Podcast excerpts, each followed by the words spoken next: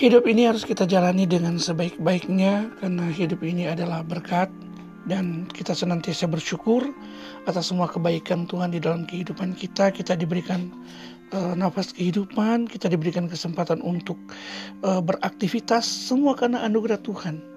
Betapa cintanya Dia dalam kehidupan kita, betapa indahnya kasih yang Tuhan nyatakan dalam kehidupan kita sehingga kita boleh merasakan betapa hebat dan dahsyatnya kuasa Tuhan.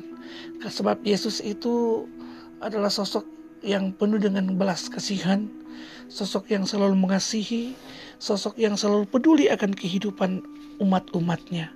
Yesus itu luar biasa. Yesus itu is the best buat saya.